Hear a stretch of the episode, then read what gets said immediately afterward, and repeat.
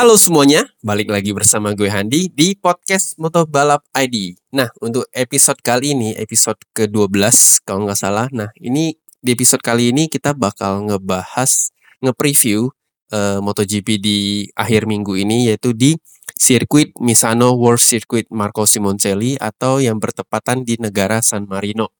Dan uh, sirkuit ini ya kita tahu bahwa uh, menggunakan almarhum eh nama almarhum si Marco Simoncelli. Oke. Okay?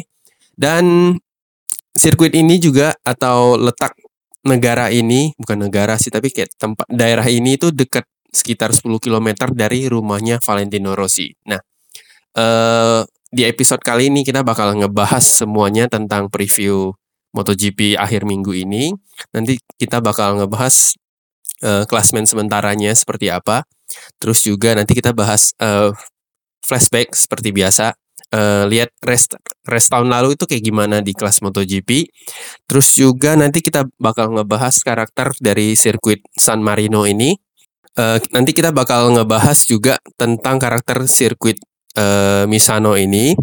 Dan habis itu baik kita juga bahas apa overall nanti kira-kira prediksi kita tentang uh, race kali ini nanti gimana. Oke, okay?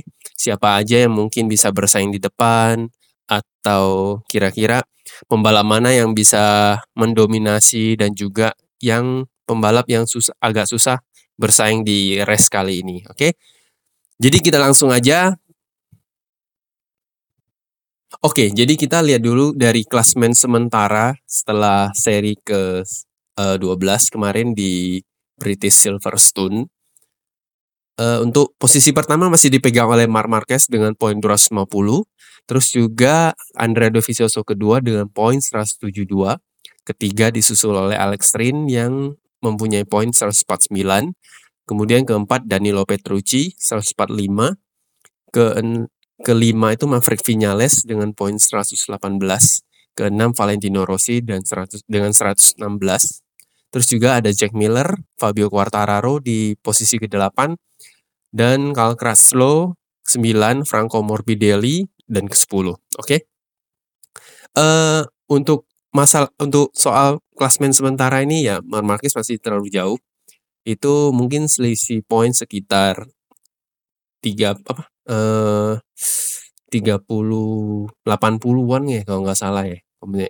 Terus juga dari urutan kedua sampai ke 6 ini beda-beda dikit poinnya. Bahkan menurut gue kalau misalnya Alex Rin bisa finish di atas dan Redo Vicioso itu mungkin um, bisa mengecilkan gap mereka berdua. Jadi di posisi kedua, ketiga, keempat tuh masih saling rebutan. Nah, yang poin yang harus gue tekanin di sini adalah tentang Danilo Petrucci. Kan kita lihat di paruh kedua ini dia nggak uh, perform, nggak perform sama sekali yang selalu uh, finish di urutan 7, 8, 9, 10 dan dia selalu berkutik di posisi itu terus apa di posisi itu terus. Jadi uh, kemungkinan akhir minggu ini dia posisinya mungkin agak akan tergeser oleh Maverick Vinales mungkin atau juga kemungkinan bisa tapi yang paling kecil eh paling paling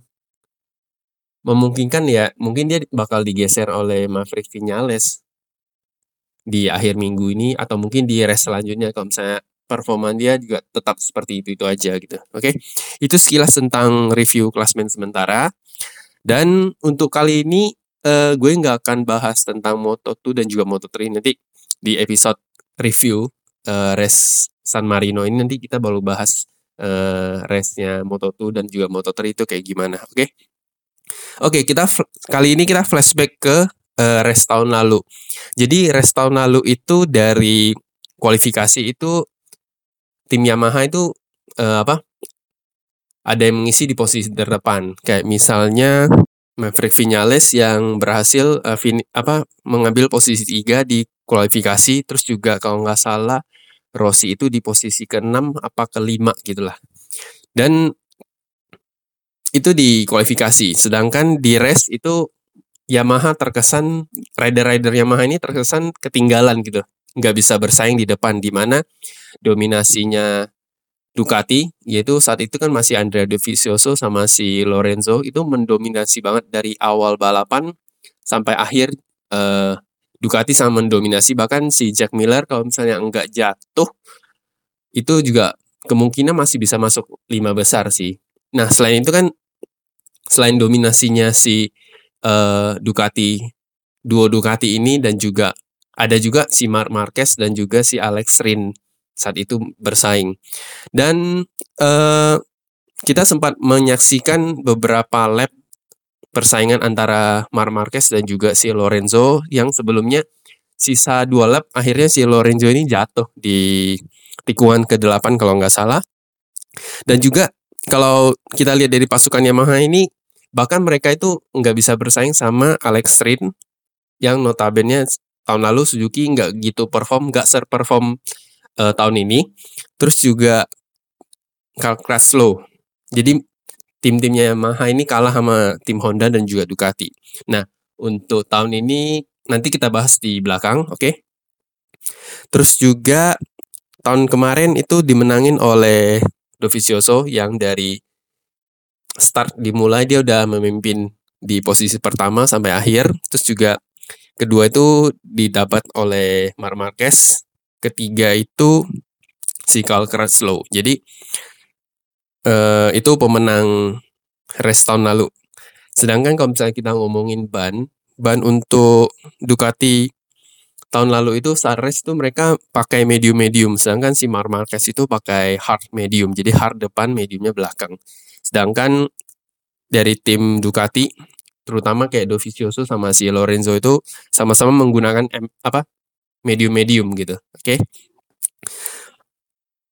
Dan sekarang kita masuk ke uh, karakter preview karakter dari sirkuit um, Misano World Circuit Marco Simoncelli, oke? Okay?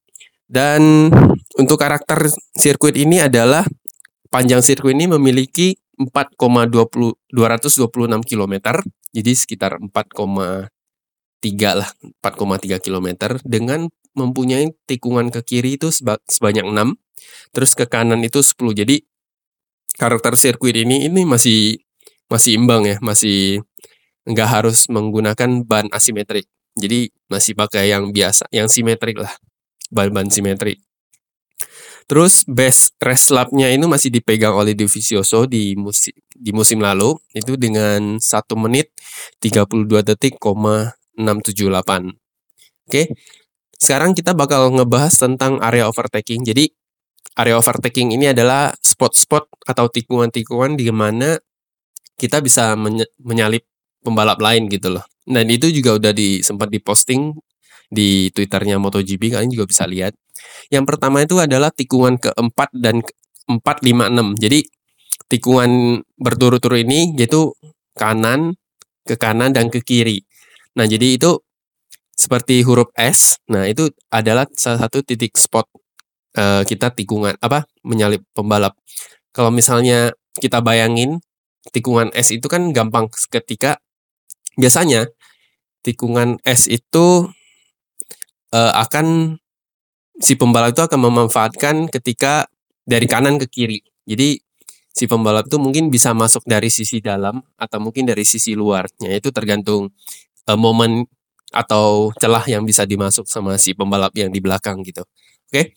Terus ke kedua itu adalah tikungan ke-8 atau turn 8. Itu di mana tikungannya modelnya lebar. Nah, ini bisa dipakai nih uh, buat defensive line saat kita di depan, saat kita memimpin atau mungkin bagi pembalap yang ingin menyalip itu bisa menggunakan teknik ambil uh, lebih dalam, jadi lebih tengah di area tracknya. Jadi ketika udah masuk tikungan dia bisa ngambil masuk dari bagian sisi dalamnya track, terus dia keluar dan sedikit mendorong uh, pembalap yang disalipnya itu untuk ngerem karena udah sama-sama udah di sisi luarnya track gitu kan. Jadi mau nggak mau yang tadi disalip harus ngerem mundur ke belakang gitu. Ya itu itu teknik tikungannya yang bisa dimanfaatin oleh uh, pembalap-pembalap ini saat untuk menyalip pembalap lain. Oke. Okay? Terus juga ketiga, ketiga itu adalah tikungan ke-9 dan ke-10. Jadi dari tikungan ini, ini jenis tikungan high speed. Jadi saat kecepatan tinggi. Dan model tikungannya ini adalah yang lebar gitu loh dan ke arah kanan. Nah, ini beberapa pembalap juga melakukan overtaking di sini. Dan juga yang ke, yang terakhir ini adalah tikungan ke-14 yaitu di mana tikungan ini uh, sedikit sempit. Jadi kayak seperti U-turn tapi bukan benar-benar U-turn. U-turn itu maksudnya kayak huruf U, bukan tapi kayak mungkin lebih mirip V atau V, V-turn gitulah istilahnya. Jadi ada gambarannya oh tikungan ke-14 ini tuh kayak model V gitu loh. Nah, biasanya eh, pembalap-pembalap ini suka memanfaatkan tikungan yang seperti ini ya bisa masuk dari sisi dalamnya pembalap yang di depan atau mungkin apa mengambil dari sisi luar terus juga bisa dikombinasi dengan teknik led braking ya kan dulu terkenal banget bahkan mungkin sampai sekarang sih masih terkenal sama teknik led braking yang dipopulerin oleh si Valentino Rossi nah oke jadi area overtaking atau spot-spot yang bisa melakukan overtaking selain trek lurus itu ada empat, yaitu ya tadi tikungan keempat, lima, enam, terus tikungan ke-8, tikungan ke-9 dan ke-10, dan juga tikungan 14. Nah, jadi uh, nanti kita bisa kalau kalian kurang jelas, kurang bisa membayangin ya, kalian buka uh, Twitternya MotoGP itu ada tuh, dia nge-share tentang area-area yang di mana bisa melakukan overtaking dan gue juga sempat retweet di Twitter gue. Oke, silakan dicek. Setelah kita lihat, uh, karakter sirkuit dan juga beberapa area yang bisa di overtaking, uh, saatnya kita membahas overview dari race kali ini. Nah, over overall, uh, karakter ini karakter sirkuit ini cenderung dominan untuk high speed. Ya, sekitar kalau menurut gue itu sekitar 70%, uh, motor pada apa, para pembalap ini akan bermain di high speed, gitu. Walaupun sebenarnya kalau misalnya ada tiga atau empat sektor tikungan harus main di low speed. Jadi kayak uh, selain high speed itu ada juga tiga atau sampai empat tikungan yang mengharuskan kita main di low speed. Jadi main di putaran bawah lah istilahnya gitu. Uh, dan biasanya di putaran bawah ini ya uh, bisa dimanfaatin juga untuk teknik overtaking, untuk overtake pembalap lain gitu-gitu. Oke. Okay? Terus juga kalau misalnya kita berbicara tentang siapa yang bakal mendominasi dan juga enggak, kalau menurut gue, gue ngerasa menurut analisa gue ya, Yamaha ini akan sulit bersaing sih sama pembalap uh, pabrikan lainnya. Karena uh, satu sisi 70% 70% uh, apa sirkuit ini bakal bermain di high speed. Jadi Yamaha mungkin agak keteteran di putaran atas, sedangkan ya mungkin dia bisa juga memanfaatkan putaran bawah ketika ketemu tikungannya low speed, kan lebih mudah mengendarainya ketika uh, di tikungan gitu. Tapi kalau menurut gue uh, kemungkinan mereka uh, para rider ini akan akan struggling agak agak susah lah, kecuali ya paling bisa bersaing mungkin si Quartararo. Walaupun sebenarnya ya banyak yang bilang banyak portal berita dan juga uh, ya portal berita mengatakan bahwa ini kan sirkuitnya sirkuitnya home-nya Rossi gitu. Sirkuitnya favoritnya Rossi bahkan Rossi dulu sering latihan di sini tapi kalau misalnya kita berkaca dengan performa Yamaha yang tahun lalu juga uh, sulit bersaing sama Ducati, Honda dan juga bahkan Suzuki. Tapi kita nggak tahu karena bisa aja di race nanti punya kejutan lain dari Yamaha mengingat eh, kemarin mereka baru saja tes resmi jadi kemungkinan ada peningkatan ya kita bisa lihatlah dari apa dari lab-lab saat latihan bebas dan juga saat kualifikasi oke terus juga terus juga um, menurut gue untuk race kali ini bakal dominasi itu adalah Ducati, Honda, dan juga Suzuki lah. Udah tiga pabrikan ini yang bakal mendominasi race kali ini. Terus juga kalau gue bilang biasanya Yamaha itu bakal mendominasi aja di kualifikasi dan juga latihan. Kenapa? Karena kualifikasi, latihan dan juga warm up lap itu itu kan mereka ngejar hanya mengejar uh, sirkuit lap atau paling cepat. Jadi catatan waktu yang paling cepat bukan konsisten dalam dalam satu eh, dalam 20 atau 30 lap gitu loh. Ngerti nggak maksud gue? Maksud gue itu kayak kalau ya latihan kualifikasi terus juga warm up lap itu kan ya pembalap kan cuma mengejar waktu terbaik dia gitu loh untuk berdapat untuk mendapatkan posisi start yang lebih baik gitu gitu doang kan gitu. Dibanding saat race itu kan lu harus jaga posisi lu terus lu harus konsisten lu harus uh, apa mengejar posisi di depan gitu-gitu loh. Karena gue sempat ngebahas sih di Twitter uh, bahwa jadi saat balap itu saat race itu mungkin banyak yang komplain ya kayak bilang alah masa gitu aja lu nggak bisa nyalip gitu segala macam. Kalian nggak tahu mungkin kalau kalian yang pernah ikut ajang balap atau ya ajang balap lokal lah nggak usah yang gimana gimana dulu. Kalian itu saat balap kalian tuh mesti hafal oke okay, gue masuk di masuk tikungan ini di titik ini terus gue mesti nyalip gue mesti pindahin gigi sampai ke berapa jadi itu dihafalin gitu. Maka kalau lu perhatiin kalau lu ngikutin apa YouTube-nya MotoGP atau mungkin Twitternya MotoGP kan mereka tuh sekali pernah tuh ngetayangin si pembalapnya tuh cara ngehafalin uh, misalnya sirkuit A. Jadi dia si pembalap itu kayak cerita meng, kayak mengimajinasi bilang kayak oke okay, di tikungan pertama gue masuk di gue buang gigi sampai gigi dua terus gue masuk gue mulai buka gas pelan pelan masuk gigi tiga empat lima terus gue harus buang lagi nah itu kan mereka dihafal bukannya sembarangan gitu loh. Jadi apalagi lu artinya fokus lu kan terpecah antara gua harus tetap stay dengan apa perpindahan didi perpindahan apa perpindahan gigi dan juga eh tek apa titik-titik kapan gua harus masuk tikungan dan juga gua harus memikirin gimana gua harus mengovertake pembalap gua di depan gitu loh. Nah, itu itu yang yang dialami pembalap saat race gitu loh. Jadi bagi kalian yang menganggap remeh bahwa ah ini gampang ini enggak ya enggak sih itu susah kecuali ya cobalah kalian uh, yang pernah ikut balap balapan ya mungkin di sekelas lokal kayak ke Jurda atau mungkin ke Jurnas gitu-gitu pasti kalian mengalami itu gitu loh oke okay? nah itu sedikit sedikit uh, opini gue tentang orang banyak yang komen kayak banyak yang berkomentar bilang, "Ah, masa kayak gini dia susah gitu-gitu." Ya kalian belum pernah ngalamin sih gitu loh, oke.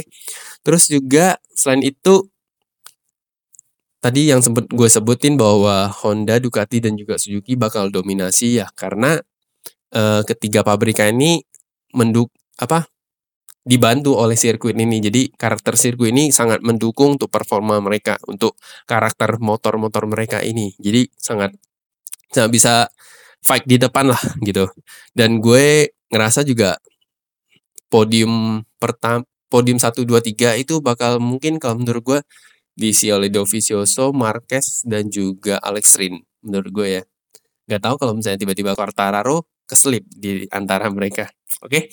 Nah, itu sekilas tentang uh, preview San Misano yang bakal berlangsung di apa? di akhir minggu ini dan kali ini kita bakal ngeba apa ngasih tahu tentang jadwal-jadwalnya. Jadi MotoGP MotoGP San Marino kali ini bakal mulai beraksi itu di hari Jumat tanggal 13 September yaitu di mana Moto3 uh, free practice pertama itu mulai dari jam 2 sampai setengah jam 4 apa jam 2.40 lah. Terus moto dilanjut MotoGP latihan bebas pertama jam 3 sore kurang 5 menit sampai jam 3 uh, 40 menit. Jadi jam 15.40. Terus habis itu dilanjut lagi Moto2 dengan latihan pertamanya itu jam 15.55 sampai jam 16.35. Habis itu di apa latihan bebas kedua lagi untuk Moto3 itu jam 18.15 sampai jam 18.55. Dan untuk kelas MotoGP latihan bebas kedua akan dimulai jam 19.10 hingga 1955. Habis itu ditutup sama Moto2 dengan latihan bebas keduanya jam 20.10 hingga 20.50 jadi sampai 9 malam lah. Terus untuk Sabtunya tanggal 14 September itu bakal dimulai dulu untuk moto apa? Prak, apa latihan bebas pertama ketiga untuk MotoGP jam 2, jam 2 siang. Itu habis itu Moto2 dengan eh sorry uh, Moto3 itu dimulai latihan bebas ketiga ini jam 2, jam 14 sampai jam 14.40. Terus MotoGP uh, jam 14.55 sampai jam 15.40. Habis itu Moto2 dengan latihan bebas ketiganya juga jam 15.55 sampai jam 16.35. Habis itu langsung lanjut kualifikasi Moto3 uh, kualifikasi pertama dan juga nanti untuk kualifikasi Moto GP-nya itu jam 7 seperti biasalah jam 7 lewat dikit. Nah, habis itu jam 8 baru kualifikasi dari Moto2. Sedangkan untuk race-nya, race-nya ini bakal, bakal dimulai dengan Moto3 dulu jam 4 sore. Untuk kelas Moto2 jam 15 jam 5 setengah 6 5 5.20 habis itu untuk kelas MotoGP ya seperti biasa balik lagi jadi jam uh, 7 malam. Nah, untuk streaming di mana kalian mau nonton di mana udah tau lah ya di Trans 7 kalau enggak di Fox Sport. Nah, itu kalian tinggal pilih aja lah mau nonton di mana. Kalau mau lengkap ya di Fox Sport Asia. Oke. Okay. Eh, itu sekilas itu tadi tentang preview San Marino dan juga eh sorry itu tentang apa preview San Misano dan juga uh, jadwal race akhir minggu ini. Habis itu kita bakal ngebahas beberapa uh, info info seputar uh, pembalap dan juga race. Yang pertama kita bakal ngebahas dulu tentang jadwal race tahun depan. Itu kemungkinan akan terjadi perubahan. Jadi uh, perubahannya itu di antaranya ada adanya ketiga apa adanya ketidakpastian dari sirkuit Kimi Ring Finlandia yang baru dan juga dari Bruno. Nah, untuk Kimi Ring, sorry kalau misalnya ejaan gue salah, Kimi Ring ini adalah salah satu uh, sirkuit baru di Finlandia. Nah, ini kemarin rider-rider tes dari semua pabrikan itu mencoba. Nah, kalau menurut komentar mereka, si sirkuit ini itu mesti diubah dulu diubah lagi karena membosan membosankan. Ya misalnya kalau uh, kita searching tentang sirkuit ini, kalau misalnya kita lihat layout tracknya, itu track lurusnya cuma satu, bener-bener cuma satu, sisanya tikungan. Nah, ini yang dikomplain sama para rider uh, tes ini, dia bilang sirkuit ini sangat membosankan. Jadi terus cuma satu ada ada satu track lurus dan sisanya tikungan itu yang bikin uh, nggak ada space buat pembalap lain menya saling menyalip gitu loh. Jadi kalau misalnya di apa di lintasan atau trek-trek sirkuit lain kan itu di antara tikungan itu ada trek lurus gitu loh. Nah, si Kimi Ring ini tuh nggak ada gitu. Jadi makanya para pembalap ini bilang, ya gue kita bosan sebenarnya. Pasti race-nya bakal bosan karena nggak ada aksi salip menyalip gitu loh. Bahkan kalau si Stefan Bradl sih bilang bahkan akan 80% atau sebagian sebagian besar itu para pembalap bakal hanya bermain di gigi apa gigi bawah aja kayak gigi dua atau gigi tiga gitu dong jarang banget bisa sampai high speed gitu. Nah ini kemungkinan ditanggepin sama pihak MotoGP bahwa akan direview lagi eh, apa untuk track Kimi Ring ini di Finlandia. Dan kemungkinan jadwalnya akan di keluarin untuk tahun depan digeser lagi. Nah ini yang gue sempat bahas tentang sirkuit Mandalika di apa di podcast yang sebelumnya gue bilang kalau misalnya konsisten si Mandalika ini siap se apa minimal ya setahun sebelum apa se sebelum MotoGP Mandalika 2021 ya itu akan lebih baik karena ya gitu kan track baru jadi terus ada apa ada pembalap dari wakil tiap pabrikan itu melakukan uji coba di track baru itu. Habis itu direview lagi sama race directionnya, direview lagi sama Dorna, FIM segala macam. kalau seandainya seandainya harus dirombak beberapa sisi kan masih ada waktu setahun gitu. Nah, kalau misalnya terlalu mepet persiapannya atau selesainya, itu kan jadinya jelek dan kemungkinan bakal diundur sama si uh, MotoGP gitu loh.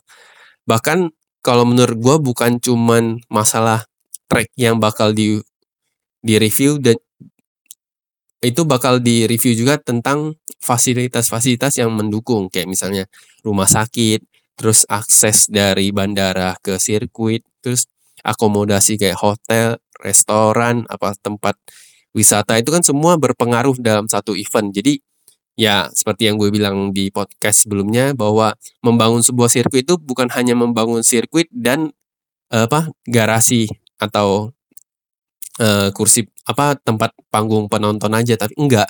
Tapi itu masih banyak hal yaitu salah satunya akses dari bandara ke sirkuitnya gimana terus uh, akomodasi fasilitas hotel rumah sakit dan lain-lain sebagainya itu gimana. Kan banyak turis yang bakal datang saat uh, acara race-nya nah itu yang harus kita pertimbangin semuanya jadi enggak semudah kita nge-tweet atau enggak semu semudah kita mengetik di sosmed kita tentang uh, sirkuit tentang sebuah uh, race MotoGP yang bakal diadain di Indonesia gitu. Oke. Okay? Kedua uh, seterusnya itu tentang si Bruno. Bruno Ceko ini para pembalap ini berkeluh kalau uh, apa aspal dari sirkuit ini udah harusnya udah harus diganti ulang di di apa di aspalin ulang karena udah jelek. Nah, ini juga untuk untuk ajang-ajang internasional sekelas MotoGP lah, F1 lah, terus World Superbike lah, F3 yang mungkin Formula E itu punya standar aspal yang berbeda dengan standar aspal jalanan biasa. Jadi berbeda. Kalau nggak salah gua, aspal, apa standar aspal mereka itu lebih halus dari standar aspal jalanan biasanya, jalan umum. Jadi itu pasti udah berbeda. Itu itu yang dikelu, dikeluhin sama pembalap-pembalap bahwa aspal di Bruno itu harus di apa diaspalin ulang seperti kalau nggak salah di Philip Island kan sempat diaspalin ulang nah ini ini para pembalap ini minta Bruno juga melakukan hal hal tersebut gitu oke terus kalau misalnya Kimmering dan Bruno ini nggak jadi, jadi mau diganti ke apa? Nah, ada beberapa kandidat. Salah satunya itu yang gue tahu itu baru Portimao itu sirkuit ini di ini di Portugal. Nah, sebenarnya port, sirkuit Portimao ini udah jadi sorry ya kalau gue ejaan gue salah. Jadi sirkuit ini Portimao. Sirkuit Portimao ini sudah ada kesepakatan prakontrak prakontrak yaitu bakal mengadakan pem, apa balapan rutin di tahun 2020. Jadi ini sebenarnya udah ada sepakatan kesepakatan tapi si Portimao ini masih menjadi uh, apa race seri untuk cadangannya lah bukan seri utama dari yang apa yang udah dikeluarin sama si MotoGP tentang jadwal musim depan gitu. Oke. Okay? Jadi kemungkinan si Portimao akan menggantikan Kimi maupun si Bruno, oke. Okay? Dan Portimao ini berada di negara Portugal. Oke, dan itu aja tentang uh, episode kali ini. Terima kasih buat kalian yang masih setia mendengar uh, podcast ini dan bagi kalian yang belum follow silahkan follow gue di Twitter gue dan juga di Instagram itu di @motobalapid, oke? Okay? Dan yang jelas saat race dan juga kualifikasi mungkin gue akan nge-tweet live tweet di Twitter dan ya kalian bisa ikutin sih dan bisa dan kita juga bisa saling sharing karena beberapa dari follower Motobalap ID ini suka sharing tentang race zaman dulu lah atau tentang yang yang berbau tentang MotoGP lah. Oke. Sekian dari gue, terima kasih dan selamat malam.